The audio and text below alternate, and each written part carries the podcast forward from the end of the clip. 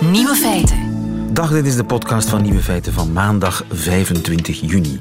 In het nieuws vandaag dat Australische supporters in Rusland een dorp hebben leeggedronken. Vorige week verloor Australië tegen Frankrijk op het WK, maar dat kon de pret niet drukken. Verschillende bars in het stadje Kazan lieten weten dat ze de dag na de match zonder bier zaten. Eén bar liet weten dat hun voorraad van 450 liter in enkele uren op was. Een andere barman schat dat hij die avond 1 miljoen pintjes heeft getapt. Zijn conclusie: de Australiërs lijken op de Russen.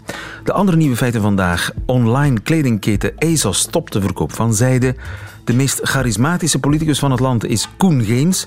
De Amerikanen bouwen aan een ruimteschild tegen asteroïden. En Alex Visorek maakt een Frankrijk-rapport. Veel plezier.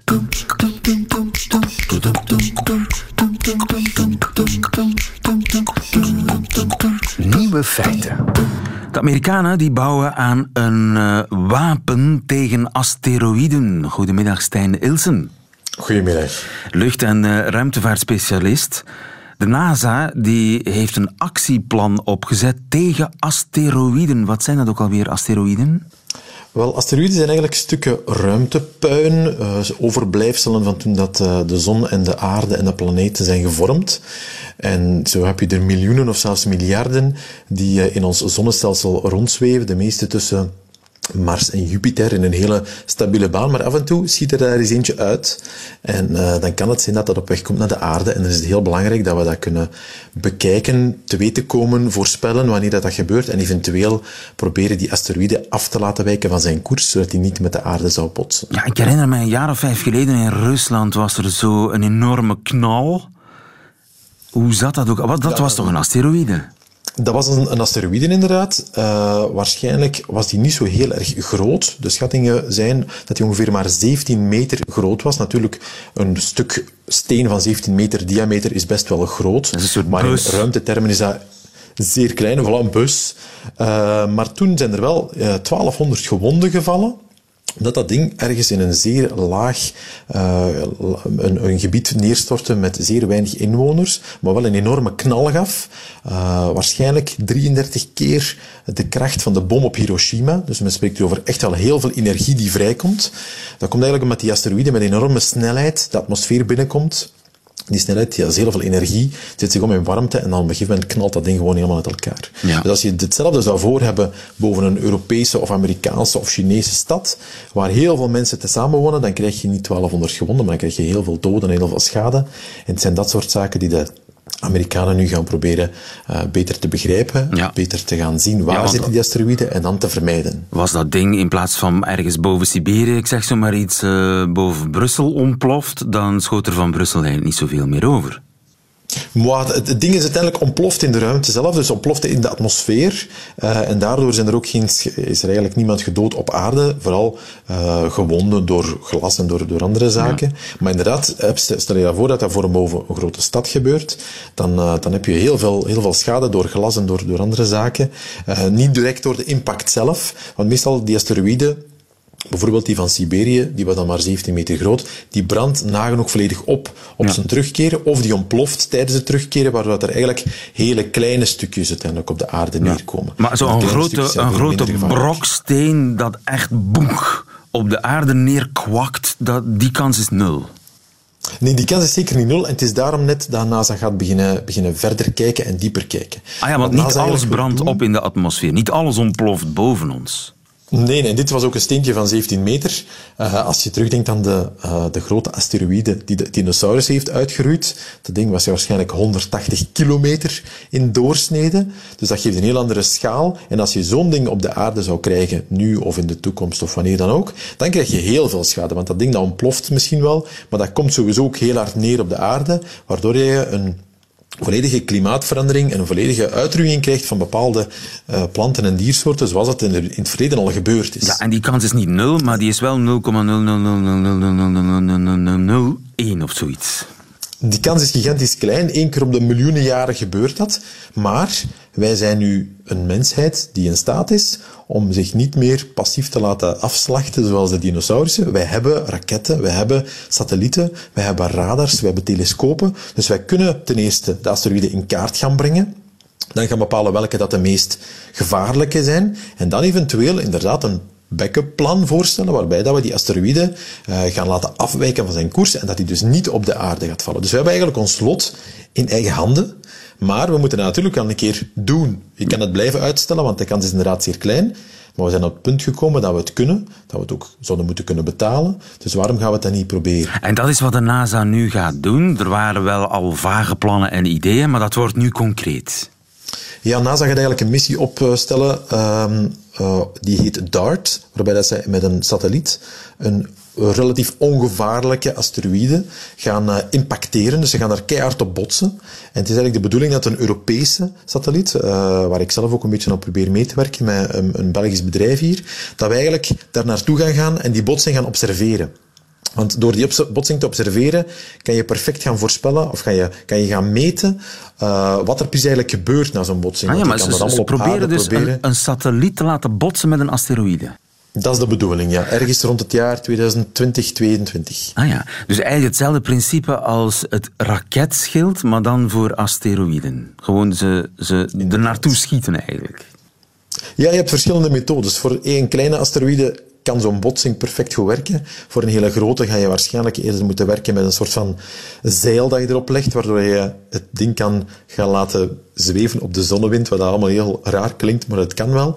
Uh, je kan ook een soort van hoe zeggen ze dat, een aantrekkingstractor gebruiken, die eigenlijk gewoon naast de asteroïde gaat naast vliegen. En door een klein beetje zwaartekracht dat hij toch uitoefent op de asteroïde, gaat hij die uit zijn baan trekken. De meest realistische uh, kans dat we gaan, gaan hebben is een asteroïde van relatief een kleine omvang.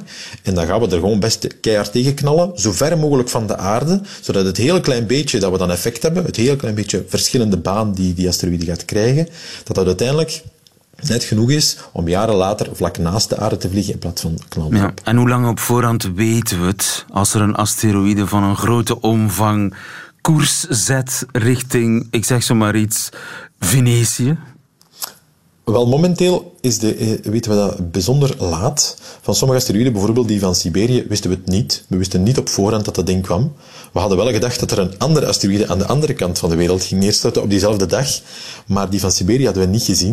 En dat is toch al een redelijk grote. Van de echte grote probeert NASA, dus de echte grote spreken we over 100 meter zeg maar in diameter, wil NASA graag 90% in kaart brengen tegen het jaar 2030 ongeveer. Dus vandaar dat nu meer en meer telescopen en radars worden geïnstalleerd om eigenlijk vooral in kaart te brengen wat er allemaal is. Want momenteel weten we nog altijd bijzonder weinig. En het zijn de Amerikanen die het initiatief nemen. Als zij zouden zien dat die asteroïde ergens uh, in de buurt van Moskou gaat neerkomen, gaan ze dan de armen kruisen en achteroverleunen?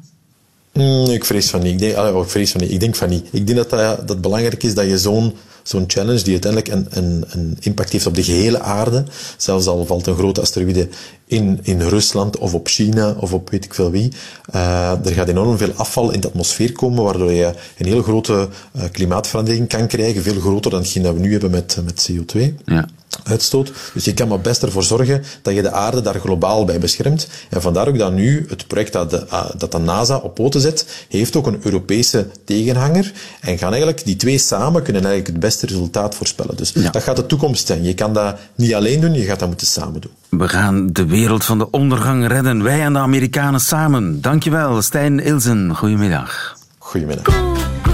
Nieuwe feiten. Coucou de France met Alex Visorek.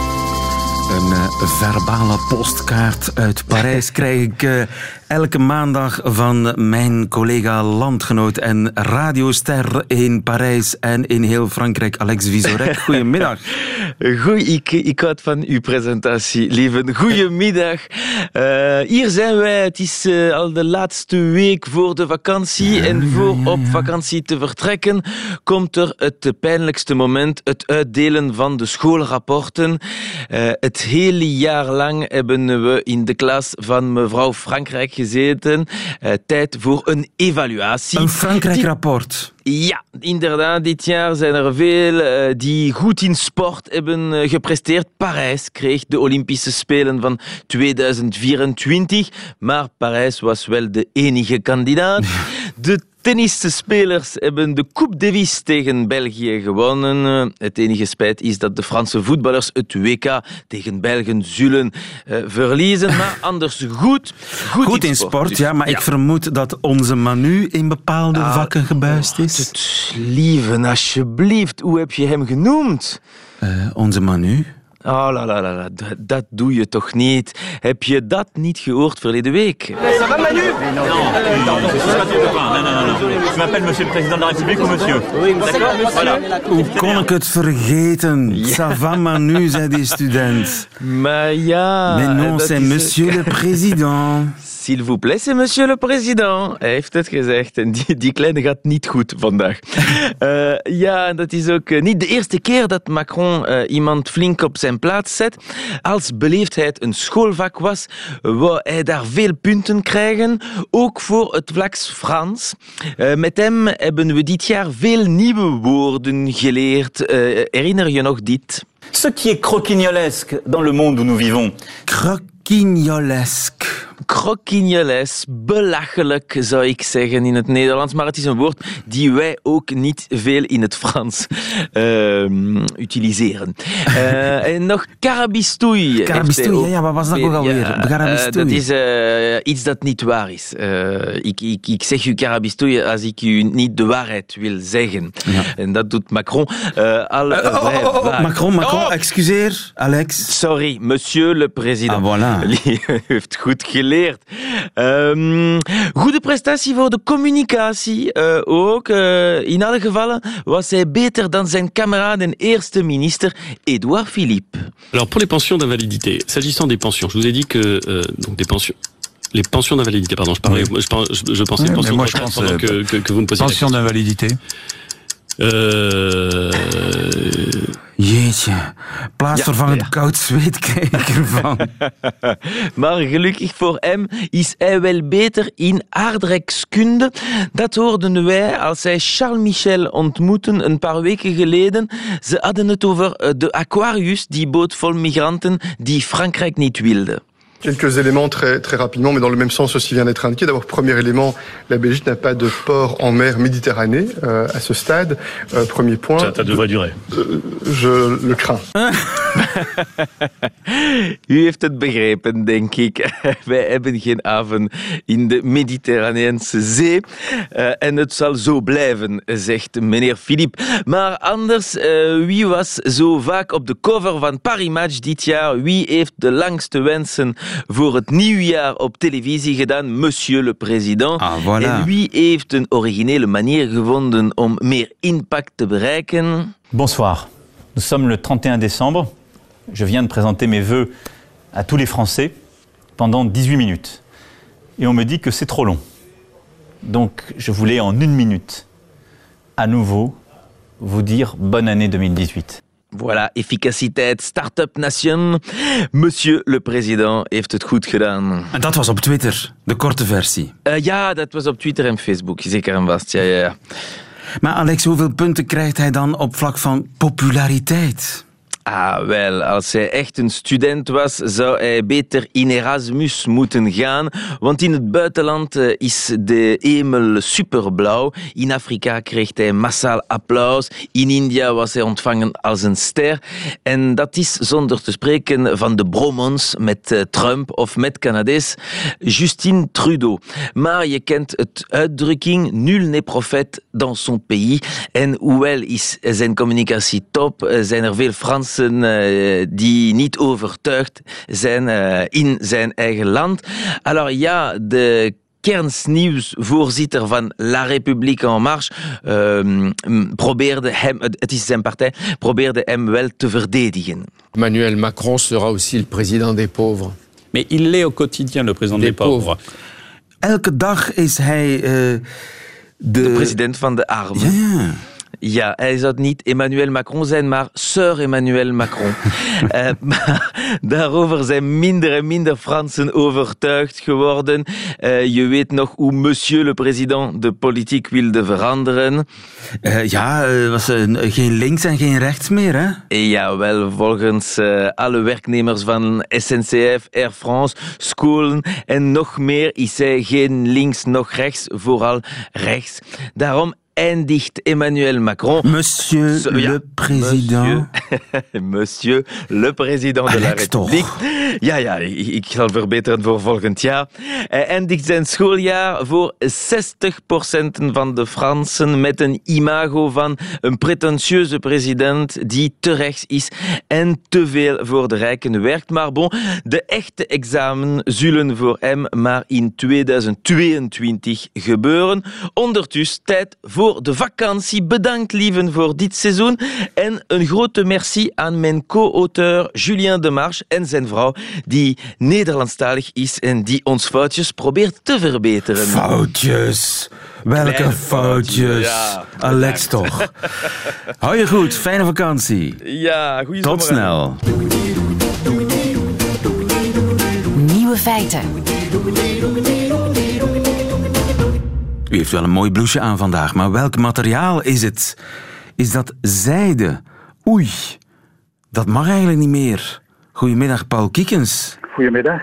Paul Kiekens, textieltechnoloog uh, aan de Universiteit van Gent. Uh, ik twijfel of zijde nog mag, want ASOS, de bekende online kledingwinkel, die stopt ermee. Die wil geen zijde meer verkopen. Waarom doen ze dat? Nou, voor mij is dat vreemd. Ik zou het een verschraling vinden van het aanbod.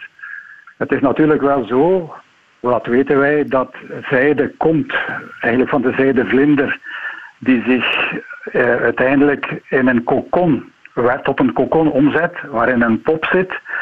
En om die zijde dan te hebben, moet, moet die pop eigenlijk gedood worden in de kokon. En gedood worden, dat is misschien een vies woord. Dat is dus bij hoge temperatuur, 100 graden eventueel stoom, om te beletten dat dus die kokon doorbroken wordt door de pop, de vlinder die daaruit komt, zich zou bevrijden. Ja, dus, dus er sneuvelt een rups bij het uh, fabriceren van zijn, meerdere rupsen. Het is een rups en uit een rups, uh, die rups spint zich in tot een kokon, daar ontstaat een pop in en uit die pop komt een vlinder en dan doorbreekt die eigenlijk de kokon. En dat mag niet. Ja, dat is dierenleed. Dat zou kunnen. Ik, uh, ik zou dat eventueel aan biologen durven vragen.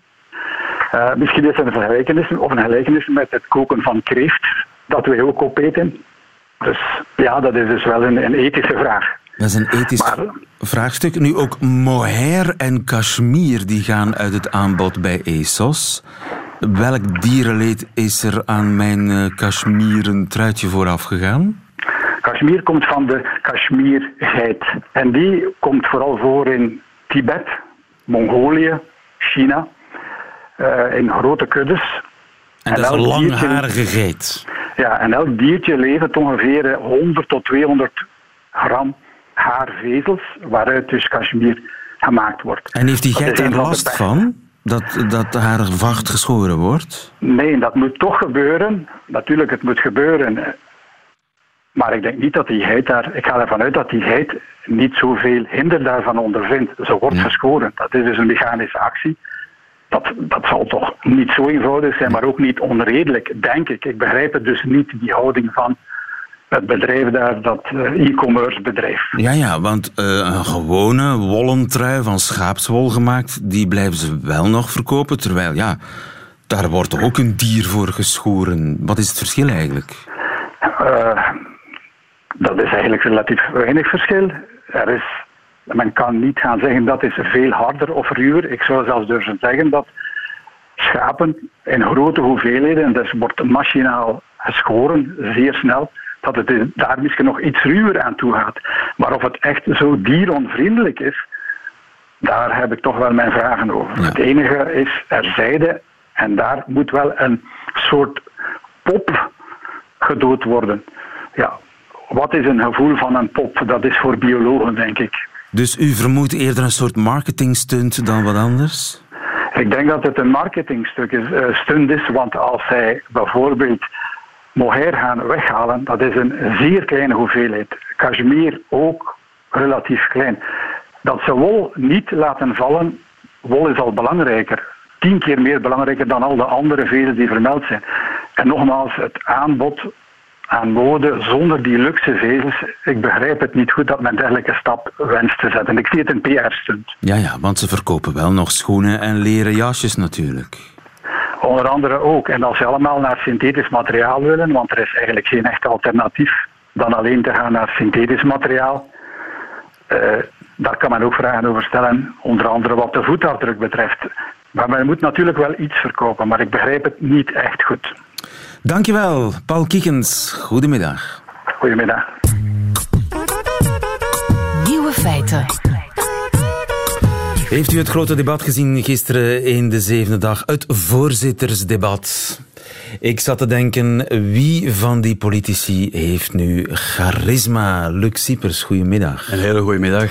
Je bent coach en auteur van een gloednieuw boek, De Obama-factor. Helemaal goed. Op zoek naar het charisma in iedereen. Eh, want charisma is iets wat je kunt leren. Ja, charisma is geen goddelijke gave, zoals de etymologische betekenis zou doen vermoeden. Maar het is wel degelijk een competentie, een set van inzichten, vaardigheden die je dus kan aanleren, die je kan versterken ook. En ik zat dus gisteren te denken, eh, die partijvoorzitters, wie van die partijvoorzitters zou dat boek dringend eens moeten lezen? Wie kan er nog wat uh, extra charisma gebruiken? Ja, Bart de Wever, dat weten we allemaal. Dat zit goed, hè? Dat zit vrij goed, al vind ik dat hij gisteren niet uh, echt een heel goede beurt heeft gemaakt. Trouwens, waar waar bijna... zit nog ruimte voor verbetering bij Bart Ja, wat, wat uh, bij De Wever nogal typisch is, hij, hij klinkt en ziet er vaak nogal verongelijkt en cynisch uit. En dat is nu niet iets wat uh, mensen aantrekkelijk vinden. Uh, en dat is wat charisma wel is, hè? persoonlijke aantrekkingskracht eigenlijk. De dat is een beetje het raadsel van Bart de Wever. Hij is heel populair, ondanks zijn cynisme of zijn, ja. die, die typische blik, zo die verongelijkte blik. Ja. Maar misschien is dat wel zijn succes. Ik denk inderdaad dat zijn populariteit daar een stukje uit voortvloeit. Nu opgelet, charisma en populariteit zijn geen synoniemen. Aha. Het is niet omdat je populair bent dat je charisma hebt. En omgekeerd? Wel, als je charisma hebt, dan heb je toch wel een goede kans dat veel mensen jou interessant vinden en dat ze jou gaan volgen. Nu, het voorzittersdebat gisteren vond ik toch wel symptomatisch voor de Belgische politiek. Het was geen kibbelkabinet, het was een kibbeldebat. Um, en ik vond dat uh, eigenlijk niemand er echt heel goed is uitgekomen. Het was een holder de bolder gesprek waar bijna niemand de kans kreeg van uit te spreken. Er is één uitzondering die uh, gisteren denk ik wel goed heeft gescoord en dat is Gwendoline Rutte. Aha. Ik uh, vind dat zij misschien nog meer dan Farah Diagire, die het debat modereerde, dat zij eigenlijk de rust kon bewaren en dat ze wel in staat is geweest van een aantal statements te maken. Heeft Gwendoline Rutte charisma? Wel, dat bleek gisteren alleszins wel. Um, wat misschien een beetje uh, anders is dan uh, voorheen. Ja, dan je voorheen zou denken. Ik denk dat ze daarin ook een proces heeft uh, gemaakt. Vroeger kwam Gwendoline Rutte vaak over als een beetje zwakjes, als een beetje boos ook bij momenten. Maar als het gaat over het debat van gisteren, vind ik echt dat ze een heel, hele sterke indruk heeft nagelaten. Ze kan wel aan spontaneïteit winnen, toch? Nog. Klopt, maar ze groeit in die rol. En ik, ik vind dat ze dat al uh, vrij goed doet, eigenlijk. Um, dus uh, is er nog ruimte voor verbetering? Ja, dat is bij iedereen het geval. Maar gisteren, in dat debat, heeft ze wel een hele goede beurt gemaakt. Wouter Beke. Wouter Bleke, uh, excuseer, Wouter, Wouter Bleke. Ja. Hallo Freud. Uh, jawel. Uh, ja, het probleem met Wouter Beke is dat hij zo weinig humor heeft. Of althans dat niet laat blijken. Hij verstopt zijn humor heel goed. En mensen houden van een grap en een grol. Bart de Wever heeft dat een voeten uit benut. Onder meer in de ideale, de, de slimste mens, excuseer. Um, en daar heb ik tot op heden, en Wouter Beke gaat toch al een hele tijd mee, ik heb bij Wouter Beke nog geen greintje humor ontwaard. En daar, denk ik, ligt maar voor kun hem... Je, kun je humor leren? Je kan leren grappig uit de hoek komen. Ik denk dat het meer een instelling is dan dat het een vaardigheid is. Je moet echt de grappige zaken zien uh, en, en, en dat dan ook gebruiken. Um, dat is misschien niet iedereen even makkelijk gegeven, maar dat is ook wel degelijk iets wat je... En humor hoort bij charisma? Humor is een van de factoren. Die maakt dat je charismatisch kan overkomen. Die maakt dat mensen graag naar je luisteren. Die maakt dat mensen je graag in de buurt hebben ook. Hè. Kijk uh, naar je vrienden. Je gaat graag op café met iemand met wie je kan lachen. Hè. En is, is dat de definitie? Iemand met charisma is iemand waarmee ik op café wil? Uh, ik, is, wil in zijn buurt of haar buurt zijn. Ja, absoluut, absoluut. Het is iemand, uh, en het is een goede toetssteen om na te gaan, heeft iemand voor mij persoonlijk charisma, is de, de vraag beantwoorden, ben ik graag bij deze persoon in de buurt? Als het antwoord ja is, dan heb je een goede kans dat die persoon en dus een goede Een politicus met veel charisma is een politicus waarvan iedereen denkt, met die wil ik op café. Absoluut. Sterker nog, met die zou ik willen samenwerken. En eventueel zelfs onbezoldigd. Ah ja. En dat is wat bijvoorbeeld Hillary Clinton niet had. Niet had. En het probleem met Hillary Clinton was haar gebrek aan authenticiteit. Het was allemaal zo bestudeerd. Het was bestudeerd. Haar, uh, wanneer ze lachte, kwam dat heel gemaakt over. Het was zeg maar uh, een, een, redelijk valse lach. Een lach waarbij wel de onderkant gebruikt werd, maar niet de bovenkant. Daarmee, laat mij dat even verduidelijken. Maar je zou toch zeggen, Amerika zit vol coaches? Ja. Had ze dan niet de juiste? Misschien had ze er te veel. Ah, dat zou ook kunnen. Dat zou ook kunnen, ja. Want ik denk dat, uh, adviezen. Misschien wel. En, en, uh, maar je haalt een heel goed voorbeeld aan. Volgens mij heeft Donald Trump de verkiezingen niet gewonnen. Het is Hillary die ze verloren heeft. Ja. En overigens, als we de populaire vote, de volksstem, eigenlijk had ze meer stemmen. Hè? Klopt. Dat is dat uh, rare kiesysteem. Ja. Maar Donald Trump heeft geen charisma. Volgens mij niet. Volgens mij is hij een narcistische gek die qua mentale vermogens de broer van keizer Nero zou kunnen zijn. Maar volgens heel veel miljoenen Amerikanen heeft hij dat duidelijk wel. Ja. En zijn er zelfs mensen bereid om gewapenderhand zijn ideeën te verdedigen. Ja, dus, dus charisma is niet voor iedereen hetzelfde. Klopt. It's like beauty in the eye of the beholder. Oké. Okay. Maar we waren bij de Vlaamse partijvoorzitters gebleven. Bart de Wever, Gwendoline Rutte, Wouter Beek, John Crombé. Ja, probleemgeval. Oei. Ja, inderdaad. John hebben we Waar leren zit het kennen. probleem? Wel, we hebben hem leren kennen als staatssecretaris van fraudebestrijding. En daar heeft hij een heel, heel goede beurt gemaakt. John was toen in zijn kracht, heel nauw bij zijn expertise. Vandaag zit hij op een plek en hij geeft eigenlijk een beetje de indruk dat hij daar niet graag zit. En dat straalt hij ook uit. Ook altijd een beetje dat verongelijkte. En uh, ja, ik heb ook het gevoel dat, dat hij helemaal niet begeleid wordt. En ik denk dat daar wel een behoefte voor bestaat. Je stelt die kandidaat om John Crombie te begeleiden? Niet noodzakelijk, nee. maar, dus, maar je zou eigenlijk zeggen, veranderen van job, als ik, als ik jou zo hoor. Want... Ik denk dat hij zichzelf daar een heel groot plezier mee zou kunnen doen omdat hij die job niet graag doet en dat denk jij te kunnen zien? Tenminste, die indruk geeft hij mij. Of dat ook zo is, dat zouden we aan hemzelf moeten vragen. Maar bij charisma gaat het ook wat je uitstraalt. Het gaat niet over wat je intenties zijn of wat je zelf aanvoelt. Het gaat erover hoe wij die politicus percipiëren. Ja. Daar gaat maar stel nu dat je ongelijk hebt. Stel nu dat hij die job wel heel graag doet. Hoe kan hij dat ook uitstralen? Ja, hij kan bijvoorbeeld eens beginnen met te leren lachen wanneer hij praat met de mensen. Dat gebeurt slechts bij heel hoge uitzondering. En dat zou dan bij voorkeur ook een authentieke lach moeten zijn. Hij moet het dan ook menen.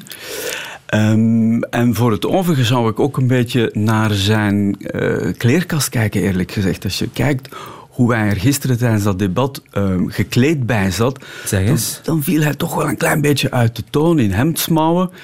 Ik denk dat je daar toch wel een klein beetje naar de kijker toe het respect moet hebben om te zeggen: Oké, okay, ik draag op zijn minst een vest aan of een pul of wat dan ook. Maar ik ga er niet uh, gekleed bij zoals ik dat thuis in de tuin zou doen. Ja. Ja, ja, ja, maar je zei net authenticiteit. Misschien is het net heel authentiek om in hemdsmouwen daar te zitten. Ja, authenticiteit heeft niet zozeer te maken met wat je aan hebt. Authenticiteit is meer of je de dingen doet die je graag doet. De dingen doet die dicht bij jezelf staan. Oké, okay, uh, we hebben nog, want uh, we moeten even opschieten, want ik zie de klok wegtikken. Uh, deze meneer, wat vindt Koen u van deze? Geens, ik moet eigenlijk zeggen, meneer de minister, goedenavond. Goedenavond, mevrouw Kools. Ja, u bent de verrassing van de dag, hè? Wel, dat was niet de bedoeling deze morgen. Mm -hmm. Maar ik ben blij dat u mij de verrassing van de dag vindt. U stapt in een harde stiel. Hoe kijkt u daar tegenaan? Met gemengde gevoelens, maar met een zeker enthousiasme. Ja, dit was de, de doop van uh, minister Geens in ter zake. Wat vindt u daarvan? Ik vind Koen Geens bijzonder charismatisch. Hij heeft eigenlijk alles wat een charismatisch politicus moet hebben. Hij praat op een rustige manier. Hij heeft ook een hele warme stem. Hij heeft wel humor, dat hebben we in dit kleine stukje ook daarnet kunnen horen. Het is tongue-in-cheek humor, het is fijn, het is subtiel, los van zijn ideeën, hè, waar, uh, waar dit boek niet over gaat. Maar als het gaat over zijn uitstraling en zijn charismatische communicatie, vind ik persoonlijk Koen Geens absoluut eerste ministermateriaal. Oké, okay, en dan nog, nog eentje? Dat is hier geen vakantiehuis, hè, wanneer ministers binnenkomen wanneer ze goesting hebben. En straks... Ja, maar nee. En straks moeten wij op een drafje een grondwetswijziging goedkeuren. En dat kan allemaal. En dat gebeurt allemaal met grote instemming van onze Kamervoorzitter. Maar als er een minister niet aanwezig is, ah, dan zegt hij, ik ga geen lijfstraffen invoeren. In plaats van de hele tijd het parlement te passeren, zou je beter eens de regering responsabiliseren. Daar wordt u voor betaald. Heeft deze meneer uh, charisma? Wel, wat Christophe Calvo zeker heeft, is energie, enthousiasme, uh, een zeker dynamisme. En dat zijn allemaal pluspunten. Waar hij op zou kunnen werken is bijvoorbeeld die toonhoogte die we net gehoord hebben. Die is vrij onaangenaam om naar te luisteren. En dat toontje heeft hij heel vaak in zijn interventies, waarbij dat hij ook weer een beetje dat verongelijkt en een beetje dat Calimero-gevoel dat hij oproept. En daar zou ik uh, zeker iets aan doen. Dus uh, werk genoeg voor de heren politici. Het boek heet uh, De Obama-factor Luc Siepers. Dankjewel, goedemiddag. Nieuwe feiten. Middagjournaal. Beste luisteraar. Ik kom net terug van een eilandengroep in Azië waar ik tv-opnames heb bijgewoond waarover ik verder niks mag zeggen op straffen van boete. Dus nu even geen vragen. De jetlag is nog vers, het ontbreken van een zoemende airco overvalt me nog af en toe. Het is daar, in de broeierige hitte, dat ik moeizaam de aanzet voor dit middagjournaal heb trachten te schrijven. Kauwend op een grasstengel en op flarde tekst. Starend naar een helderblauwe hemel en naar de schittering in het water, maar afvragend wat ik nu ook alweer van de dingen vind. Wel, ik ga eerlijk zijn, behoorlijk weinig. En hoewel dat amper stof biedt voor een stukje op de radio, doet het al maar meer, meer dan deugd. Dat er veel mensen tegenwoordig met een tattoo rondlopen valt mij op als ik naar de strandbar kijk. Maar ook daar vind ik verder niks van. Vroeger zou ik daar vast en zeker iets cynisch over gedacht hebben. Nu vind ik enkel zij die er een heel stripverhaal van hebben gemaakt. Randje Nainggolan. Ik moet even denken aan die Liverpool-supporter die zijn been verloor in Afghanistan en de tattoo die erop stond ingekort zag van het clublied You'll Never Walk Alone naar You'll Never Walk. Soms kan een tattoo ook heel wijs zijn. Oké, betrapt. Dat was weer even cynisch. Starend naar de horizon stel ik bij mezelf vast dat hoe minder ik oordeel over de dingen, hoe meer ik begrijp. Dat is dus waarom reizen zo'n deugd doet. Ik kan me er alleen moeilijk bij neerleggen dat je altijd tropische omstandigheden nodig hebt om die vervulling te vinden. Sinds een jaar of wat probeer ik het thuis ook, door bewust te kiezen om me ver van cynisme en sceptisch te houden, om die tweekoppige draak die in elk van ons zit niet meer te voederen. Cynisme en sceptisch vereren een soort van ongeloof. Ze steken hun kop op uit zelfverdediging of angst voor het onbekende of voor de goede bedoelingen van mensen. Sinds ik die draak weinig of geen aandacht meer geef, omarm ik een pak meer tevredenheid in het leven. Voor een atheïst is dat een ontstellende vaststelling. Hoe meer ik geloof en vertrouw, hoe meer ik tot dingen in staat ben. Ik besef dat ik nu klink alsof er een roos in mijn keel zit, randje Nainggolan. Maar laten we eerlijk zijn. Nog nooit heeft iemand een berg beklommen, een record gevestigd, een onderneming uit de grond gestampt, een uitvinding gedaan, een schilderij gemaakt, een kind op de wereld gezet, een WK gewonnen op basis van sceptisch of cynisme. Het zijn het het geloof en het vertrouwen die ergens brengen waar je wil zijn, zoals ik die mocht werken op het strand van de Filipijnse zee.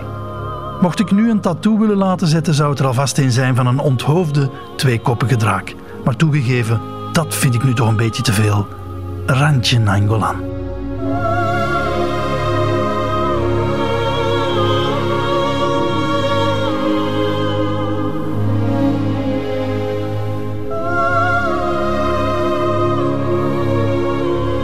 Middagjournaal met Johan Terrein. Meteen het einde van deze podcast, maar u vindt er nog veel meer op radio1.be en op de gebruikelijke podcastkanalen. Tot volgende keer.